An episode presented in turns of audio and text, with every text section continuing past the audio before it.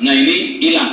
Jadi poin 8 ini di buku eh, di runtal tadi atau runtal atau luntar tadi sudah tidak bisa dibaca.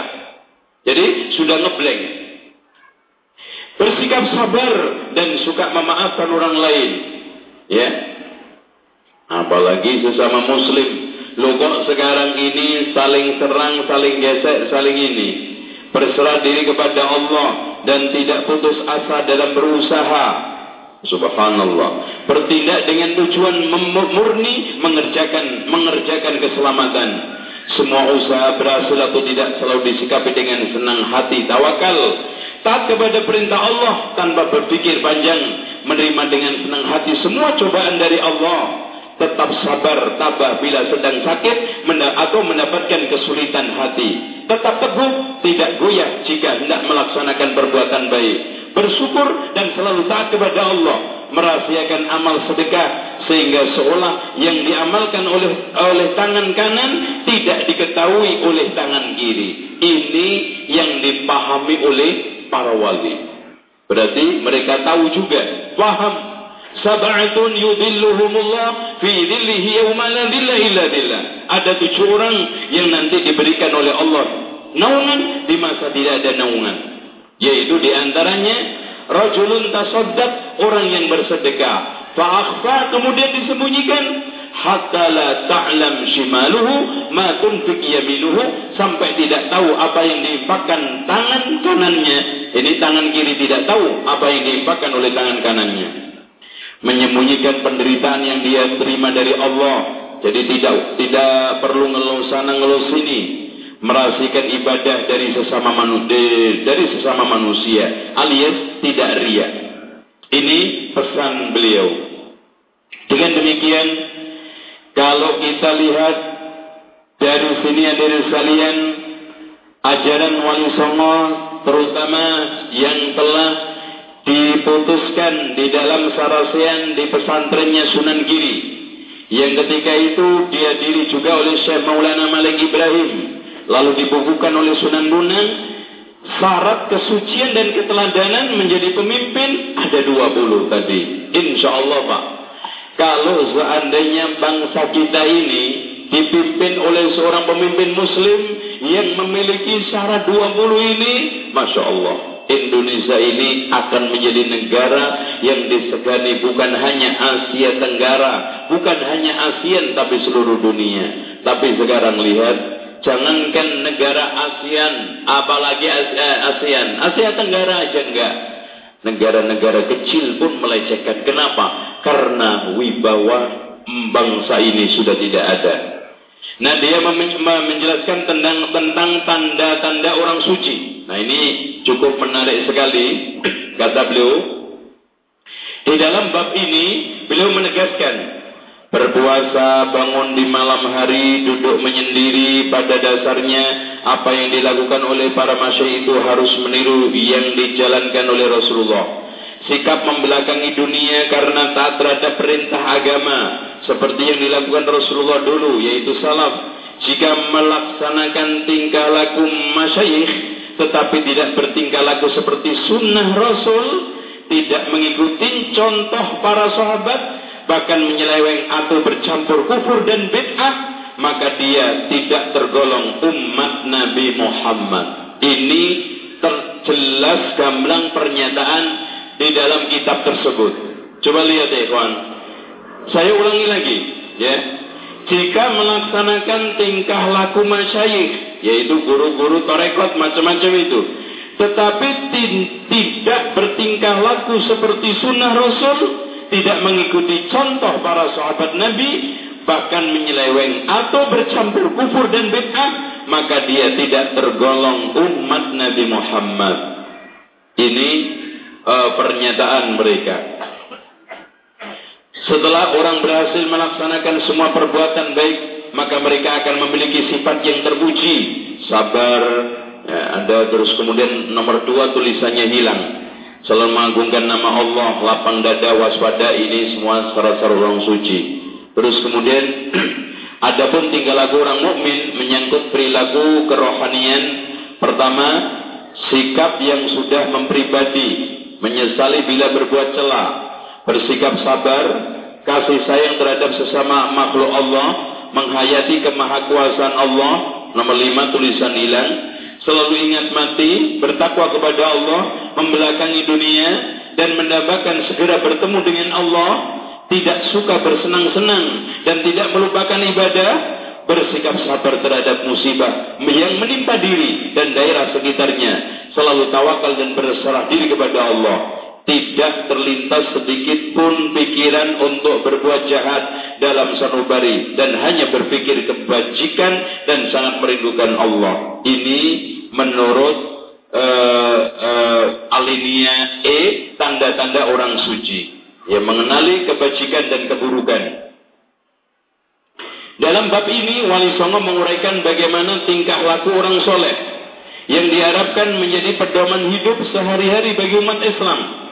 Pedoman tingkah laku bagi orang soleh adalah satu, tidak memperhatikan orang lain, melebihi sikap laku kebajikannya. Maksudnya gini, Pak. Jangan sampai kita itu lebih paham aib orang lain Jangan sampai kita itu lebih melototin kondisi orang lain sementara melupakan kebaik, ke, keburukan diri sendiri. Sementara kebaikan dia masih lebih rendah daripada dia. Itu nggak baik. Ya. Nomor dua, tidak berbicara pribadinya sendiri, semata-mata hanya berserah diri kepada Allah. Artinya gini, Pak. Orang di dalam hidup ini agar mengenali kebaikan dan keburukan. Usahakan di dalam hidup ini jangan selalu berbicara kepentingan dirinya. Yang paling utama dan pertama adalah kepentingan agama, kemudian kepentingan orang umum secara umum, kepentingan yang berikutnya adalah kanan kiri kita, keluarga kita. Ini akan menjadi baik. Kehendak Allah tidak dipersoalkan lagi. Betul, Inilah yang dikatakan juga oleh Imam Al-Barbahari. Di dalam kitabnya Syarh Sunnah, tafakkaru fi khalqillah wa la tafakkaru fil khalq, fil khaliq. Berpikirlah tentang masalah makhluk. Maksudnya tafakkur tentang masalah makhluk kaitannya dengan ayat-ayat kauniyah tentang bagaimana ciptaan Allah. Jangan berbicara, berpikir, uh, mencari-cari apa yang ada di Khalik. Tafakkaru fil khalq wala tafakkaru fil khaliq. Ini maksudnya. Tidak mempersoalkan masalah dunia, sedang diri dan nyawanya sendiri juga tidak dipersoalkan. Maksudnya begini yang diri sekalian. Kita sebagai seorang muslim di dalam uh, dunia ini tinggal kita sekarang ini berserah diri kepada Allah. Berserah bahwa semuanya ini adalah ditakdirkan oleh Allah, diatur oleh Allah Subhanahu wa taala tingkah lakunya hanya ditujukan untuk memperoleh ridho Allah semata. Dan sebaliknya tingkah laku orang munafik dilukiskan. Ini Pak, ciri-ciri orang munafik. Menurut pandangan Wali Songo. Yang pertama, bila berbicara tidak dapat dipercaya. Dan bila berjanji bohong dan berkhianat. Ini dari hadis Rasulullah SAW ayatul munafiki ayatul munafik salah satu selalu tamak mengangan-angankan yang bukan haknya mengharap pemberian sesama artinya tidak berharap kepada Allah kikir dan takut miskin senang harta yang banyak untuk bersenang-senang. Ini ciri-ciri orang munafik. Tidak pemalu dan cenderung merendahkan orang lain. Suka mengambil muka. Maksudnya apa? Penjilat. Bahkan bermuka dua. Yang dikatakan oleh Rasulullah SAW, Inna min syarrin nasi indallahi yawmal qiyamati dhul wajhaini. Orang yang paling jelek di sisi Allah nanti di hari kiamat adalah orang yang punya dua muka. Apalagi tiga, apalagi empat. Bahkan ada di antara kita yang saking luasnya sampai punya muka tiga belas kesono muka, kesono punya muka.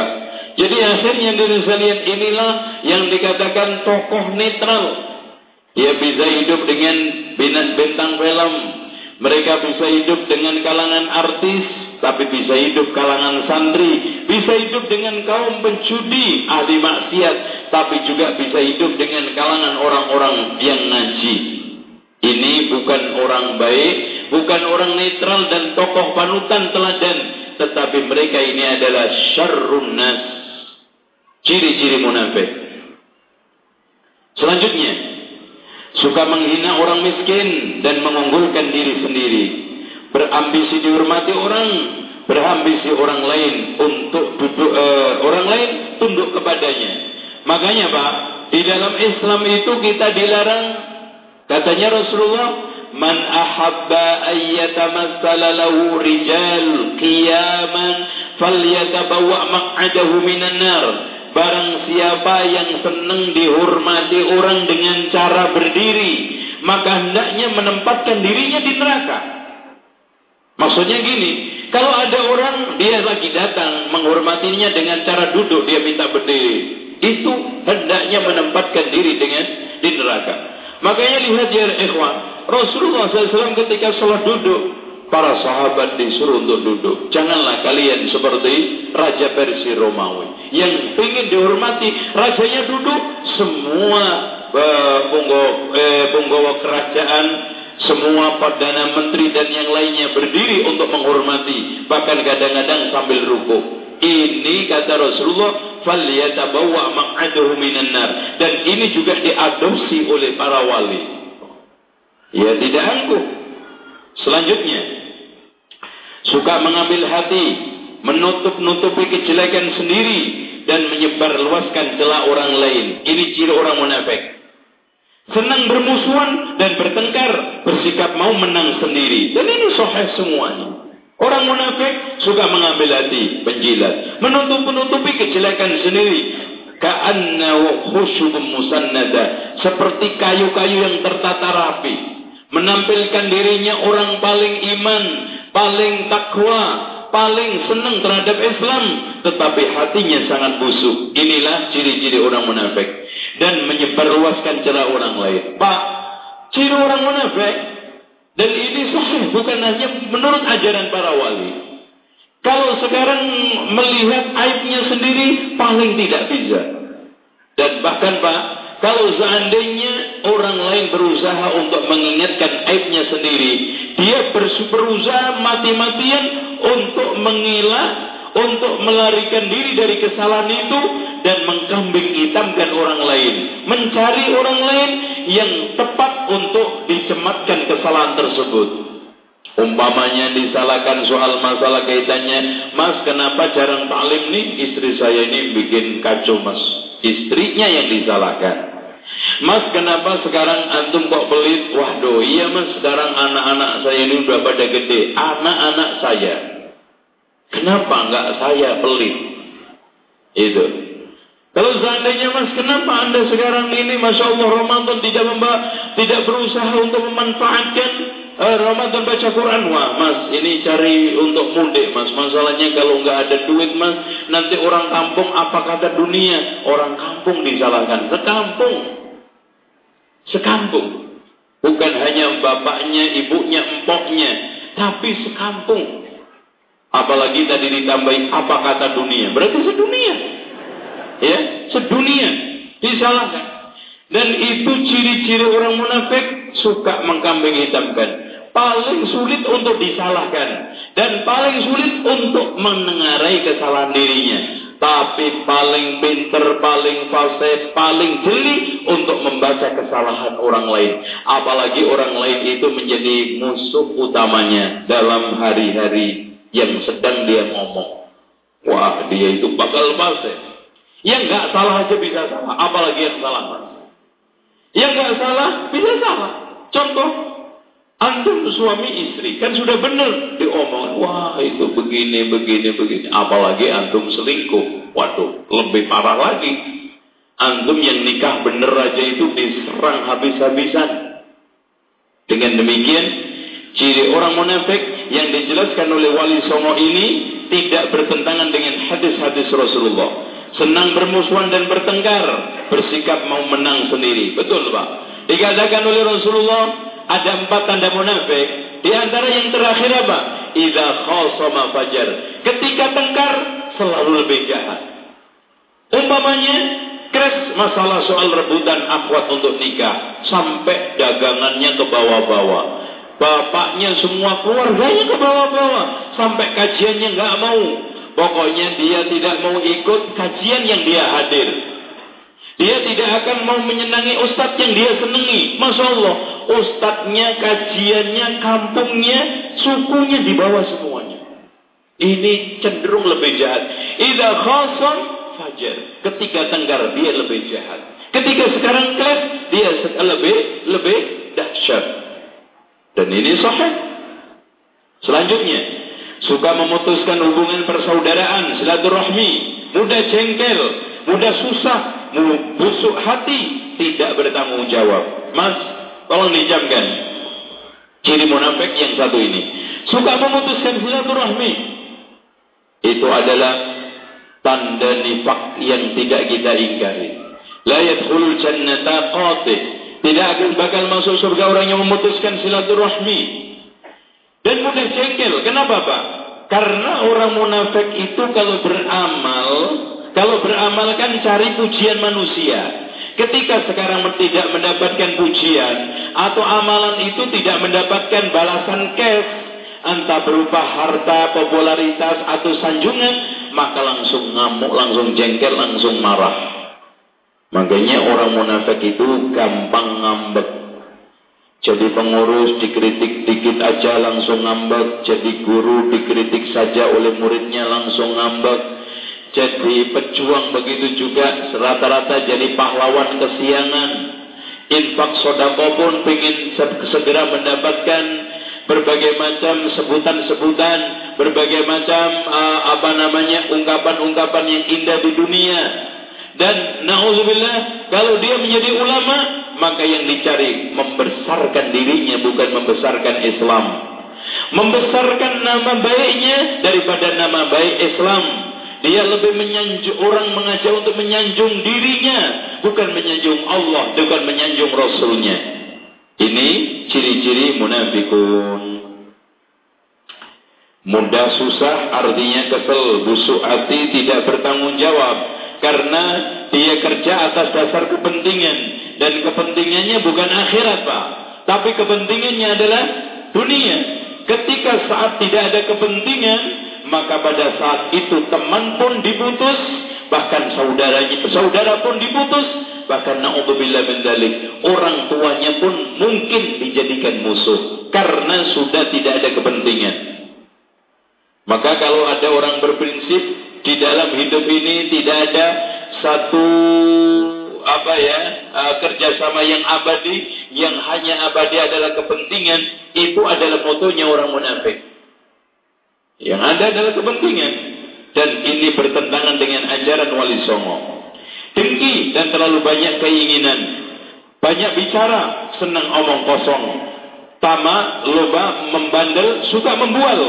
Suka menyeleweng, suka mengadu domba. Segan berbuat baik. Suka berbuat apa saja yang kurang berguna ini ciri-ciri munafik. Makanya disebutkan di dalam firman Allah, ya'muruna bil munkar wa ya'muruna bil uh, wa Masyaallah.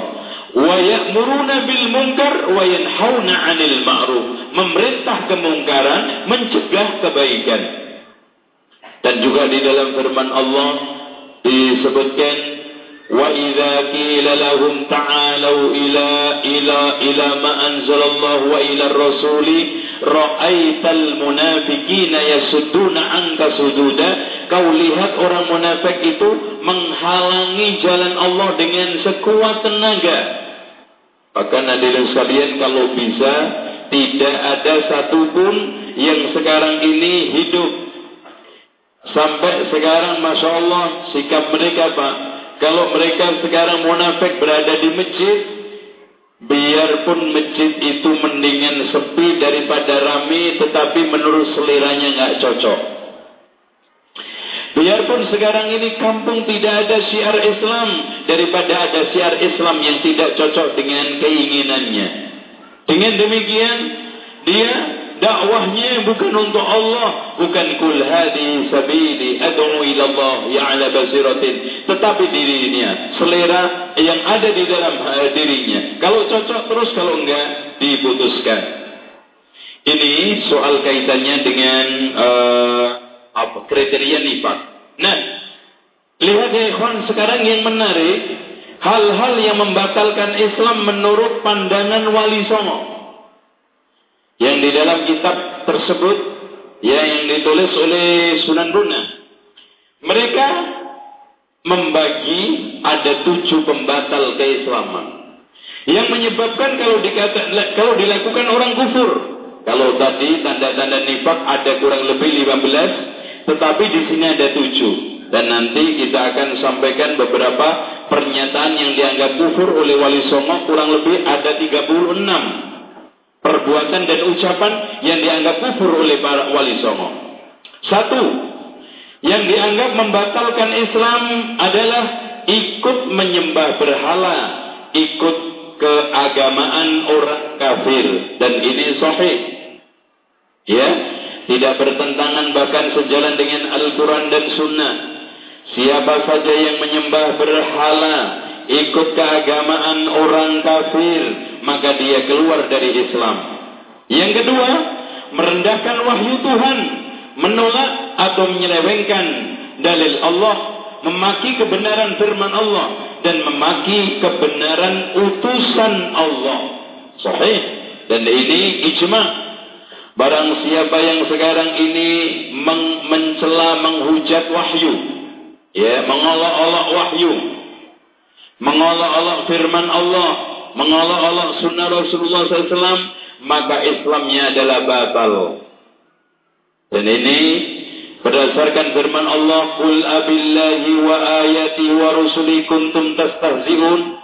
Kaum munafik yang mengolok-olok sahabat Rasulullah yang mengatakan, saya tidak menemukan orang yang paling rakus makannya, paling pembual mulutnya, dan paling pengecut ketemu musuhnya, kecuali sahabat-sahabat Muhammad ini. Hanya ngomong itu aja, difonis oleh Allah.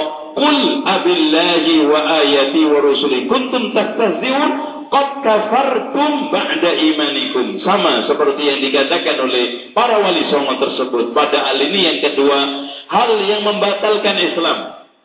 Yang ketiga, menghalalkan yang haram dan mengharamkan yang halal. Subhanallah. Ini ini kalau kita lihat suatu pernyataan yang sudah, sudah sangat tinggi. Yang telah dibahas oleh para ulama-ulama sunnah kita dari kalangan sahabat tabi'in sampai Syekhul Islam Ibn Taimiyah, Ibn Qayyim dan juga Syekh Muhammad bin Abdul Wahab. Dan kalau antum baca hal-hal yang membatalkan sepuluh yang telah ditulis Syekh Muhammad bin Abdul Wahab sama dengan yang ditulis oleh Wali Songo. Bagaimana sekarang anda mengatakan Wahabi, Wahabiyah adalah sesat? Makanya uh, saya lagi memproses buku judulnya Imam Bonjol Wahabi dalam tanda kutip. Ya, pahlawan fenomen, fenomenal yang fundamental. Itu headline-nya. Insya Allah lagi ini dan e, saya menemukan alhamdulillah beberapa rujukan yang cukup e, menarik terutama buku ada yang terbitan tahun 64 itu sebelum saya lahir. Antum juga belum lahir, dan ada tulisan muridnya sendiri Imam Bonjol dan bagaimana keislaman Imam Bonjol. Dan inilah kalau kita kita tanya berkembangnya dakwah salafiyah di Indonesia sejak ini. Makanya Imam Bonjol Wahabi dalam tanda tanya gede. Uh, gede begini. Tapi gede banget. Nah apakah Wahabi? Kita kupas di situ insya Allah nah dengan demikian ada sekalian, kalau mereka mengatakan bahwa Syekh Muhammad bin Abdul Wahab adalah sesat, padahal di dalam nawaqidul Islam, hal-hal yang membatalkan Islam yang sepuluh, sama dengan yang disampaikan oleh Wali Songo. Di antaranya menghalalkan yang haram, mengharamkan yang halal. Siapa yang mengatakan babi halal, kafir. Siapa yang mengatakan ayam itu haram, kafir. Siapa yang sekarang ini jilbaban itu boleh gak jilbaban? Bahkan dia telah mengatakan wanita boleh telanjang dan tidak wajib memakai jilbab. Maka dia telah mengucapkan kufur. Ini menurut versi Wali Songo. Dan juga seperti yang telah ditegaskan oleh para ulama berdasarkan dalil-dalil yang ada. Yang keempat, menganggap yang sunnah sebagai wajib dan menganggap yang wajib sebagai sunnah. Betul. Siapa yang mengatakan wajib, eh, solat lima waktu itu sunnah, nafilah tak wajib dikerjakan, boleh dikerjakan, boleh tidak, maka dia kafir. Siapa yang mengatakan bahwa solat witir itu wajib, eh maaf, solat witir itu fardu, tidak boleh tidak, menurut ikhtilaf ya. Ini kalau ini ikhtilaf, kita cari yang ikhtilaf. Solat duha. Siapa yang mengatakan solat duha itu wajib, siapa yang mengerjakan eh, mendapatkan pahala yang tidak masuk neraka, maka dia telah kufur. Mengaku utusan Allah. Ya ikhwan mengaku utusan Allah setelah masa Nabi Muhammad. Ini. Mereka paham bahwa maka Muhammadun aba ahadin min rijalikum walakin Rasulullah wa khataman nabiyyin. Bukan Nabi Muhammad itu bapak salah seorang laki-laki di antara kalian melainkan utusan Allah dan penutup para nabi. Maka para ulama sepakat siapa yang mengatakan bahwa saya adalah nabi, mengaku nabi setelah Nabi Muhammad, maka dia wajib dibunuh dan dia kufur keluar dari Islam. Dan dia salah satu dajjal yang telah dikatakan oleh Rasulullah saya saya khuju min ummati salasuna dajjalun. Dan inilah yang dipegang oleh para wali songo. Makanya wali songo memutuskan salah satu yang membatalkan keislaman seseorang yang menyebabkan orang tersebut keluar murtad kufur mengaku menjadi utusan Rasulullah setelah Muhammad sallallahu alaihi wasallam. Bagaimana kita bisa membenarkan Ahmadiyah? Bagaimana kita bisa mengatakan bahwa ia itu sahih kalau sekarang ajaran wali songo seperti ini? 6 menganggap kafir saudaranya yang Islam sementara tidak ada bukti yang nyata. Subhanallah betul. Man qala li akhihi ya kafir faqad ba'a biha ahaduhuma. Barang siapa yang mengatakan kepada saudaranya eh si kafir akan kembali kepada salah satunya. Inilah dasar ternyata wali songo juga memiliki sikap hati-hati di dalam memponis kafir kepada sesama kaum muslimin. Ya, meluruskan berbagai macam kesalahan khawarij yang menyebar di beberapa negara termasuk juga Indonesia khuruj yang akhirnya gampang mengkafirkan sesama kaum muslimin dan juga kepada pemimpin-pemimpin muslim. Yang ketujuh malah merasa senang bila dianggap kafir. Ini sama pernyataan uh, Syekh Muhammad. Siapa yang tidak mau mengatakan orang kafir itu kafir Contoh, Buddha Hindu ragu. Tidak mau mengatakan Buddha itu kafir. Hindu itu kafir. Kristen itu kafir. Atau ragu kekafirannya orang kafir. Atau orang musyrik. Maka dia adalah kafir keluar dari Islam. Benar. Malah merasa senang bila dia dianggap kafir. Ini menurut pandangan Wali Songo dan menurut yang disebutkan di dalam kitab itu termasuk Nawakidul Iman. Dan sekarang saya akan sebutkan secara cepat pernyataan perbuatan yang dianggap kafir oleh Wali Songo. Ada kurang lebih 36. Yang pertama, jika ada orang Islam sayang kepada orang kafir. Ah, di sini. Bagaimana Anda bisa sayang sama orang Kristen sampai masjid kadang-kadang sekolah pondok ikhlas dipakai tempat untuk silakan kebaktian barangkali terganggu takut bom di gereja Anda. Loh. Tapi anehnya dari sekalian, masjidnya kita pakai kajian gak boleh. Masjid kita pakai kajian gak boleh. Tapi dipakai kebaktian ahlan wa sahlan. Ya, ya, ahlan wa sahlan. Padahal ajaran Wali Songo mengatakan jika ada orang, ya kata sebelumnya, orang akan menjadi kafir bila memiliki tanda-tanda sebagai berikut, kata Wali Songo. Saya ulangi lagi, orang akan menjadi kafir bila mempunyai tanda-tanda sebagai berikut. Satu, jika ada orang Islam sayang kepada orang kafir atau berpikir sebagai orang kafir, maka dia ikut tingkah laku dan membantu perbuatan orang kafir, maka dia itu kafir.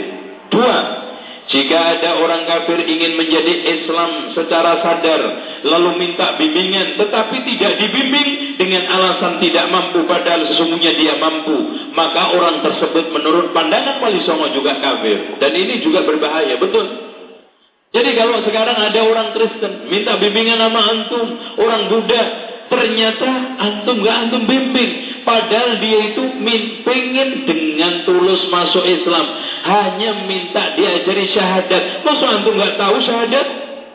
Maka antum bisa masuk ke dalam bahaya. Walaupun menurut pandangan wali songo orang tersebut seperti ini sudah dikatakan kafir. Jika ada orang Islam berkata, eh, jika ada, ya benar ya, jika ada orang Islam berkata, 10 tahun lagi saya kafir. Ya, ini kafir, betul. Siapa yang mengatakan insya Allah saya akan kafir. Atau 10 tahun lagi saya akan kafir. 5 bulan lagi akan kafir. Setelah Ramadan ini makan ketupat langsung kafir.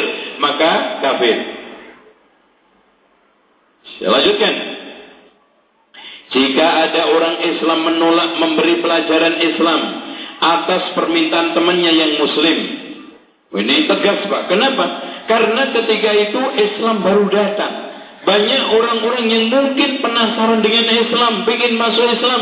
Jangan sampai nggak diperhatikan, jangan sampai nggak ditanggapi. Jika seorang melakukan sholat tanpa berwudu atau memakai pakaian najis dan meyakini itu halal, maka dia kafir. Jika seorang muslim diajak mengikuti sunnah Rasul, tidak mau. Mas, mas, lihat mas. Jika, perhatikan ini. Jika seorang muslim diajak mengikuti sunnah Rasul, tapi tidak mau, maka menurut pandangan uh, Wali Songo, dia itu sudah kafir. Bagaimana kok ada orang yang pernah sholat, diingetin sholatnya salah, Pak sholatnya ini nggak benar, nggak sesuai dengan sunnah Rasul, dia bilang kagak ada Rasul-Rasulan di sini. Itu, pergi loh, kagak ada Rasul-Rasulan. Ngomong begitu Pak. Padahal ajaran Wali Songo mengatakan dinyatakan kafir dan minimal tanda-tanda orang kafir jika seorang diajak mengikuti sunnah Rasul tidak mau. Jika seorang mendengar azan tetapi artinya diselewengkan atau minum minuman keras dengan mengucapkan Bismillah. Nah, Bismillah selesai Alhamdulillah. Katanya Wali Songo, saya tidak takut hari kiamat atau tidak percaya bahwa setiap orang akan meniti sirotol mustaqim maka orang tersebut kafir. Menurut pandangan wali songo. Selanjutnya uh, uh, saya minta uh, pak masuk aja pak yang lain. Ya, jangan sampai duduk. Dan kita ngaji sampai maghrib karena ini kajian uh, terakhir habis ini udah nggak ngaji lagi libur karena untuk Lailatul Qadar. Ya. Oleh karena itu uh, tolong sampai selesai dan ikutin nanti ada uh, apa namanya pertunjukan demo kesaktian Pak di akhir. Insya Allah ya. Nanti antum lihat itu kata disulap menjadi ular naga.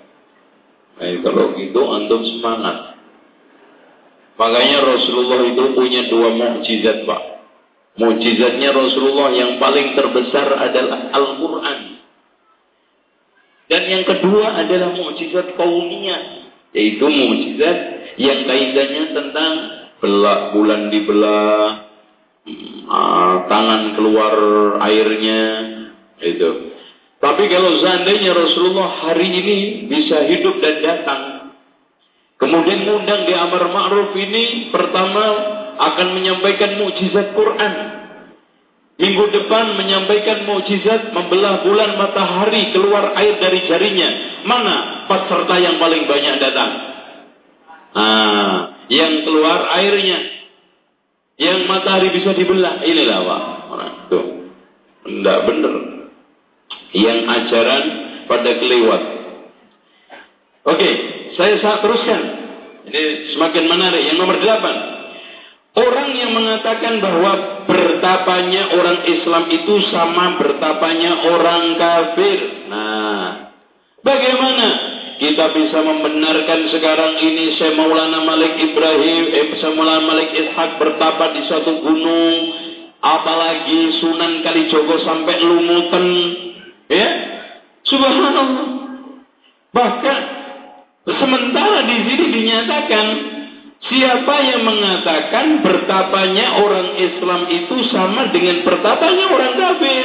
Itu tanda-tanda orang kafir. Enggak sama.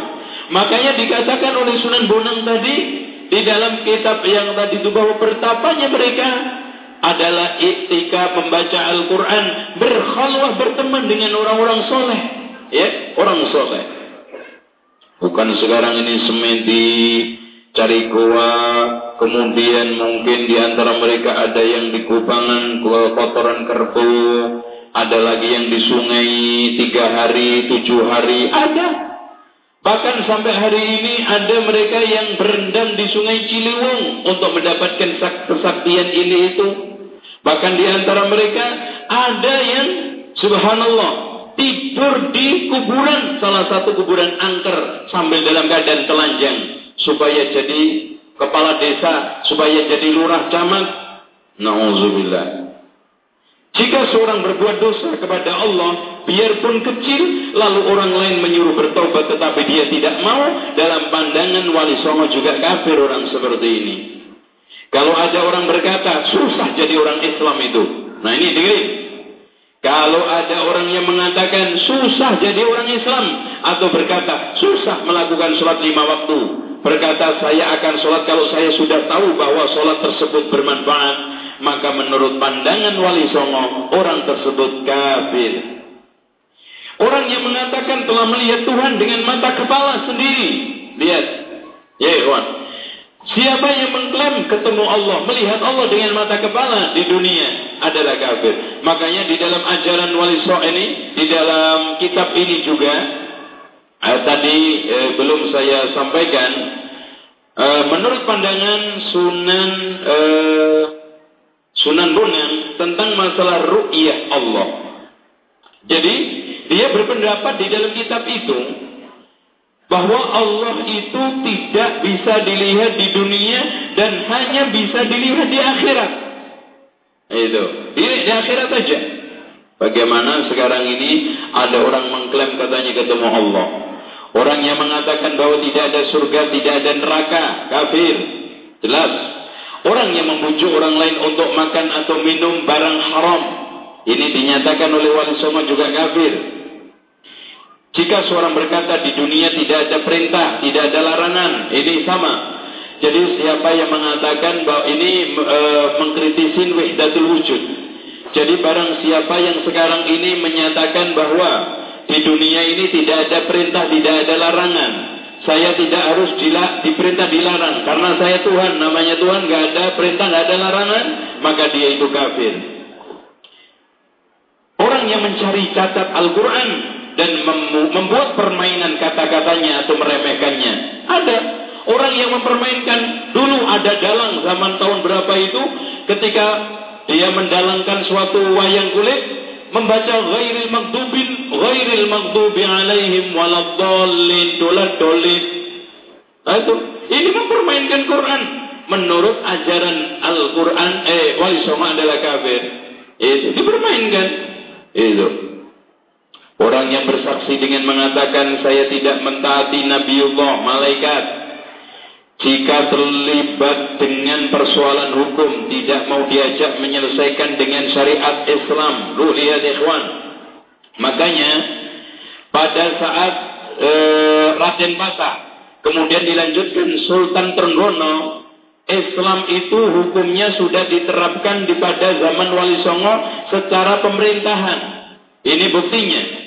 Jika terlibat persoalan hukum, tidak mau diajak menyelesaikan dengan syariat Islam, tetapi malah menggunakan hukum kafir, maka orang tersebut adalah kafir. Memakai pakaian atau perhiasan dengan maksud agar dipuji orang, bersumpah di hadapan berhala, Ketika masih kafir suka bersedekah. Setelah muslim malah pelit. Ini juga kata Wali Songo kafir. Orang berkata, si Anu itu lebih baik ketika masih kafir. Ini juga kafir. Memuji orang kafir. Dulu masih kafir baik, setelah masuk Islam jelek. Itu berbahaya. Ngomong seperti itu. Orang yang baik di mulutnya saja, sedang hatinya khianat. Ini munafik, kufur, nifak. Orang yang bertanya, mana lebih baik antara orang Islam dengan orang Jawa? Ini juga diponis kafir. Memuji berhala bahwa dia akan memberi kekuatan. Ini termasuk kafir. Bagaimana kita bisa membenarkan orang yang menyimpan keris untuk suatu uh, manfaat memberi manfaat mandorot, ake, cincin, macam-macam yang diyakini jimat. Sementara Wali Songo mengatakan, ajarannya menegaskan, bahkan termasuk kafir memuji berhala bahwa dia akan memberi kekuatan. Orang yang mencela Rasulullah atau sahabat Rasulullah adalah kafir. Orang yang menyatakan dirinya sebagai Tuhan, jelas kafir. Orang yang mengatakan bahwa Tuhan tidak tahu apa yang belum terjadi, ini dia kayaknya stressingnya Qadariyah. Ya, Qadariyah ternyata Wali Songo itu paham uh, bahaya Qadariyah dan bahkan ada di sekalian tadi mengkritisi secara khusus jangan sampai duduk-duduk berteman dengan orang Qadariyah. Dan di sini menegaskan kafir hukumnya jika ada orang yang mengatakan bahwa Tuhan tidak tahu apa yang belum terjadi. Orang yang mengatakan pernah melihat bidadari. Loh bagaimana sekarang kok ada cerita yang itu dikaitkan dengan Joko Tarub? Anu tahu nggak Joko Tarub itu? Mbahnya Joko Tingkir katanya. Yang dulu ada bidadari tujuh mandi di telaga kemudian pakainya dicolong. Yang pakainya dicolong itu akhirnya nggak bisa naik. Akhirnya nikah dengan Joko Tarub. Lahirnya akhirnya Joko Tingkir. Joko Tingkir nanti akhirnya menjadi Raja Pajang yang yang julukannya Hadiwijoyo. Nanti akhirnya melahirkan salah seorang senopati Ingalugo. Sayyidin Panentep Panotogomo yang dikenal Sultan Agung yang pendiri kerajaan Mataram Islam. Ini semuanya nggak mungkin. Ini semuanya bertentangan dengan ajaran yang telah ditegaskan oleh Wali Songo itu sendiri. Saya lanjutkan. Memakai pakaian presiden. Eh, mana tadi? Uh, orang yang mengatakan pernah melihat bidadari makan buah-buahan dari surga. Orang yang mengatakan bahwa Islam itu tidak masuk akal tanpa bukti. Ini juga kafir menurut pandangan Wali Songo. Orang yang melebihi para wali di atas Nabi. Jadi orang yang melebihi artinya siapa yang meyakini bahwa para wali itu lebih tinggi daripada Nabi Muhammad, maka dia kafir. Orang yang mengatakan bahwa sholat atau tidak sama saja menurut pandangan Wali Songo juga kafir. Jadi sholat sama nggak sholat sama aja. Itu kafir menurut pandangan Wali Songo. Orang yang mengatakan bahwa Nabi suka menumpuk harta juga kafir. Orang yang mengatakan bahwa dengan amalia ini saya sudah masuk surga. PD percaya bahwa dengan amalan ini saya pasti masuk surga. Juga dinyatakan kafir oleh Wali Songo. Orang yang mengatakan bahwa Tuhan itu kejam juga termasuk kafir menurut pandangan Wali Songo. Orang yang berkata bahwa kalau Nabi benar, saya mau anut. Kalau tidak, saya tidak mau mentaati. Ini menurut pandangan Wali Songo. Termasuk yang ditulis di dalam kitab Primbon Sunan Bonang. Kafir. Orang yang selalu cenderung berbuat maksiat dan jahat. Ini menurut hakikat iman dan ilmu. Kata beliau, uh, orang yang gelap hatinya ada delapan. Orang yang tahu kewajiban berbakti kepada Allah tetapi tidak mau melakukan. Ini gelap imannya, gelap hatinya. Yang kedua, membaca Al-Quran tetapi tidak mau melaksanakan isinya. Ini juga gelap imannya, gelap hatinya. Yang ketiga, berkata cinta kepada Nabi tetapi tidak mau melaksanakan sunnahnya.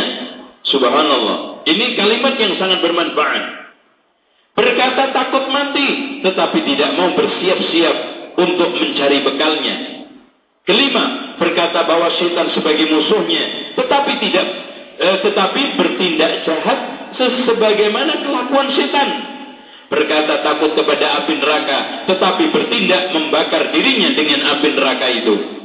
Berkata saya senang kepada surga, tetapi tidak mau berbuat agar mendapatkan surga. Keinginan mengetahui keburukan orang lain, tapi e, keburukan sendiri tidak tahu. Makna kegelapan dan kecerahan hati, e, kata beliau, hati itu bisa menjadi cerah. Satu, melaksanakan sholat secara tertib dan teratur. Membaca Al-Quran, duduk di masjid untuk bertafakur, memperdalam ilmu agama dengan ulama, memiliki kawan dari golongan orang soleh, menyendiri dan mengurangi makan, mencegah omong kosong, banyak bertaubat, memberi sandang anak yatim, selalu bersikap sabar, mengambil air wudhu, banyak minum air, bersujud dan menyadari bahwa manusia diciptakan dari tanah. Ini bagi mereka yang ingin hatinya itu cerah. Menurut uh, ini Pandangan dia menukil dari Ali bin Abi Thalib, menahan nafsu amar itu lebih baik daripada perang sabil yang amat sukar dilaksanakan menurut baginda Ali, katanya Sunan Bonang.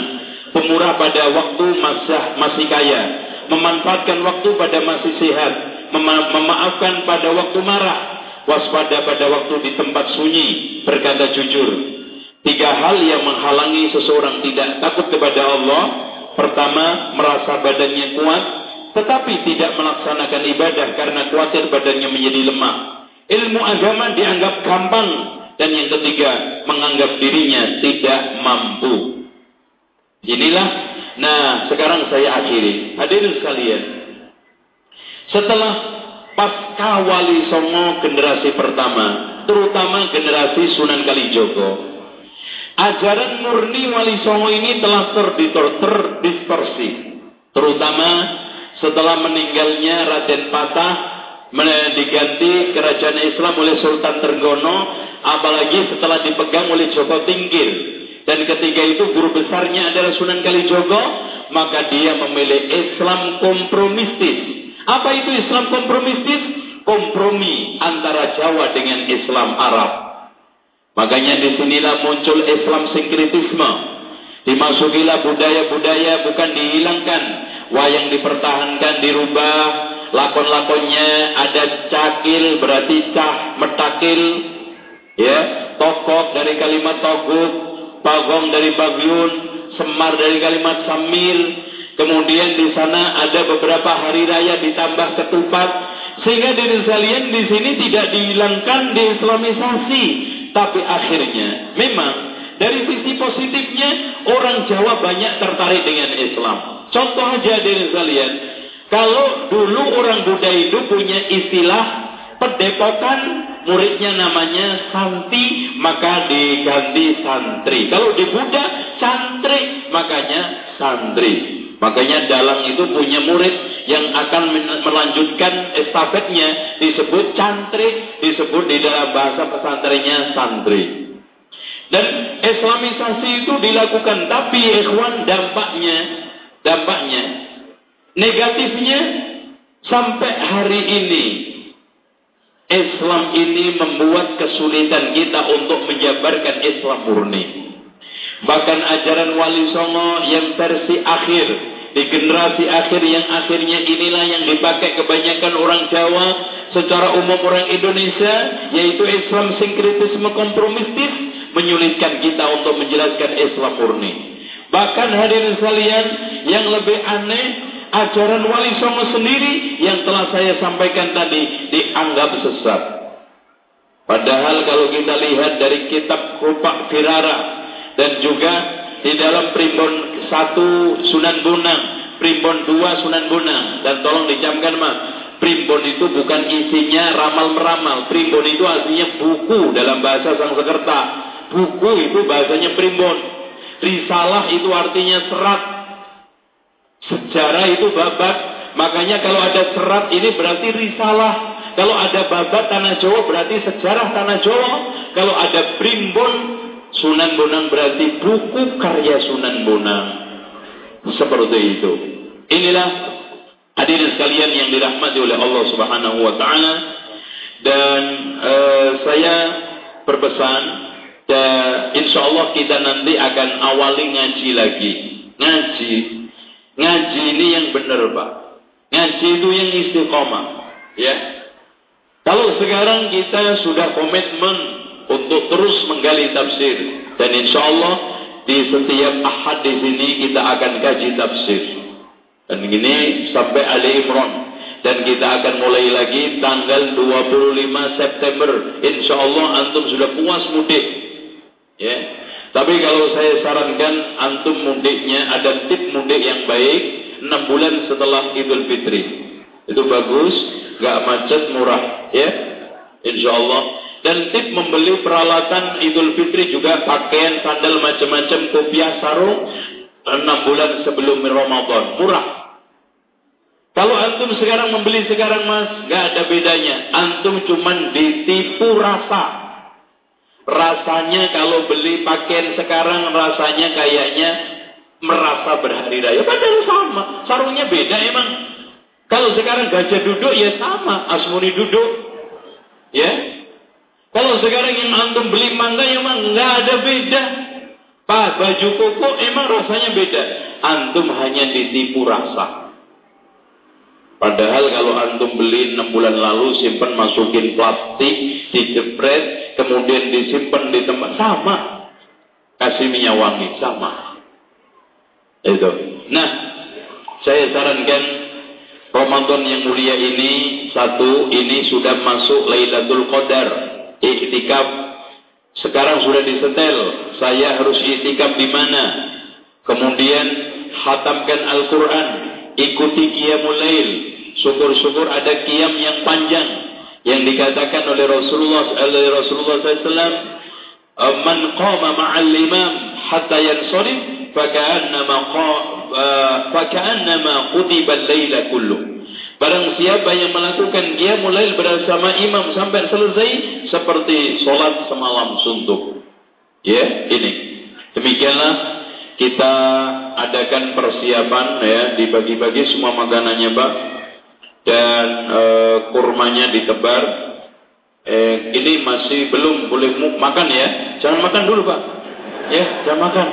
Bukan, ini maksudnya disebar dulu. Ya. Apakah gambar wali-wali yang ada di sampul buku soheh? Gak ada yang soheh. Ini karangan orang-orang yang nulis toh. Dari mana Sunan Bonang seperti ini? Eh, anehnya kalau Sunan kalau Sunan Kalijogo, belangkonnya pasti depannya mulus, belakangnya gendol. Karena orang Jawa Tengah. Mulus depan, belakang, nah gini. Itu. Kalau Jawa Timur, ini semuanya akal-akalannya. Yang lebih lucu lagi, Imam Bonjol pernah saya temukan punya pedang, eh punya keris. Enggak mungkin Sunan Imam Bonjol itu punya keris.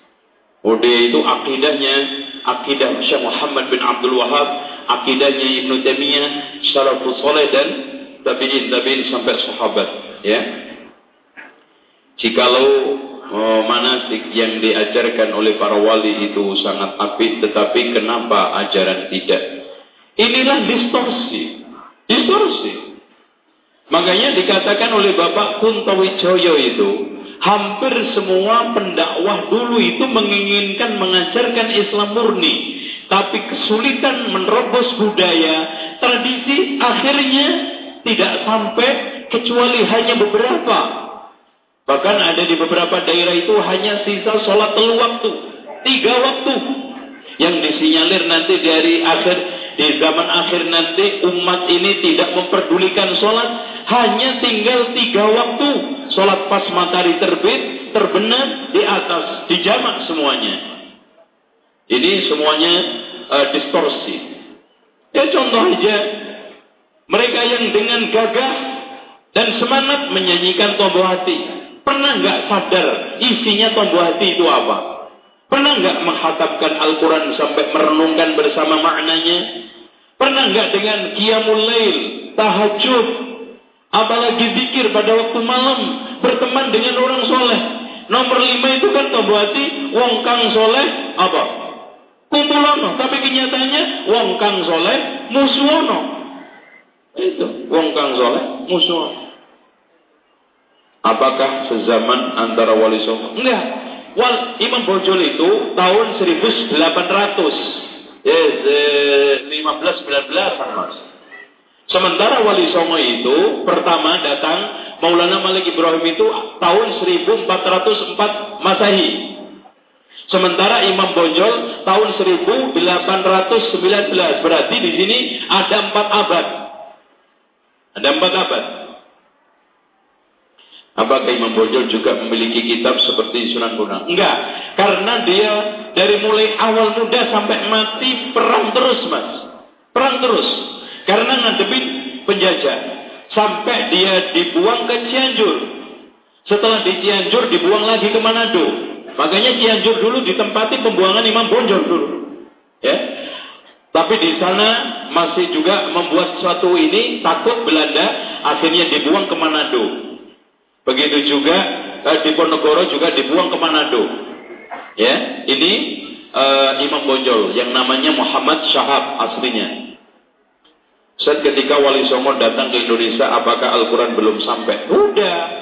Cuma mungkin mereka tidak menemukan yang lengkap. Ya, mungkin Quran hanya dipegang oleh tokohnya saja. Karena tidak semudah sekarang. Mereka dulu Pak hanya mengandal tulisan tangan orang. Ya, kalau seandainya ada yang pengajar Al-Quran datang ke sini, mungkin membawa setengah Quran, seperempat Qurannya, satu surat. Itu. Bahkan mereka diajari alif ba aja susah. Diajari pikir ya hayuku, ya hayumu ya, ya kayuku, ya kayumu. Nah, itu kan. Diajari ya hay, ya kayyum sampai ya kayuku, ya kayumu. Itu susah. Di dalam tulisan Hasan Simon disebutkan bahwa Sunan Kalijogo meninggalkan karya serat di, di Waruci, betul? Suluk Linglung. Hasan Simon memperingatkan penuntut bahwa Syekh Siti Jenar sebenarnya adalah Sunan Kalijogo uh, masih berpaham manunggaling kawula Gusti. Ada yang sekalian begini. Sebetulnya Sunan Kalijogo awalnya tidak senang. Kemudian setelah wali-wali senior ini kayaknya lebih condong kepada ajaran Siti Jenar. Makanya dia mati-matian mempertahankan Joko Tingkir bukan Sunan Prawoto. Pak, harusnya yang mengganti Trenggono adalah Prawoto anaknya. Namun karena alasan politik, karena Prawoto kan membunuh eh, Sedolepen, kemudian akhirnya Joko Tingkir eh, mangkat. Tapi alasan utamanya adalah alasan aliran dan pemahaman, bukan politik. Karena Sunan Kalijogo condong terhadap eh, Joko Tingkir yang notabene ajaran resminya Manunggaling Kawula Gusti. Bahkan ketika dia menjadi senopati, menjadi raja Mataram Islam, agama resminya adalah Manunggaling Kawula Gusti, agama ajaran Siti Jenar. Orang tua saya seorang dukun. Mana orangnya, Pak? Eh, sama saya. Bagaimana ya Ustaz cara saya untuk mendakwai beliau? Antum kasih buku saya atau bacakan atau jelaskan atau kasih CD membuka dunia klinik dan perdukunan. Tolong nonton bareng. Ayo Pak, nonton bareng pertandingan final dunia kelas akhirat. Pertandingan dunia kelas akhirat. Setelah teks, ya apa ini? Dukun, kafir, ini kafir. Nah, itu pelan-pelan masuk insya Allah. Insya Allah eh, sama. Saya eh, Orang tua saya dulu juga dukun, cuman dukun putih. Kan ada dukun hitam, dukun putih. Karena ada ilmu juga ilmu putih, ilmu hitam. Nah kalau ilmu hitam belajar di pesan, eh, di pendepokan kafir, kalau yang putih santri muslim tapi pakai kulhu sungsan. Nah itu kulhu tapi sungsan. Itu kalau yang ilmu hitam kulhu itu kadal kesit. Nah itu mantranya. Itu. Uh, tapi Sunan Kalijogo itu punya punya apa namanya uh, mantra pak, mantranya cukup uh, terkenal. Bahkan uh, ini jadi jaba-jabi banyak orang Jawa. Jadi orang Jawa banyak uh, menggunakan ini. Bismillahirrahmanirrahim sindung liwung ambu minta tolong ing tuang. Tulungono ambu ing ganjaran wasesa cemeti ratu yo aku rajek wesi purosari saking swarga jalalullah padang jaya kusumo remek rempuh wong sak negara kabeh la ilaha illallah. Ini uh, mantra petuah untuk cari ke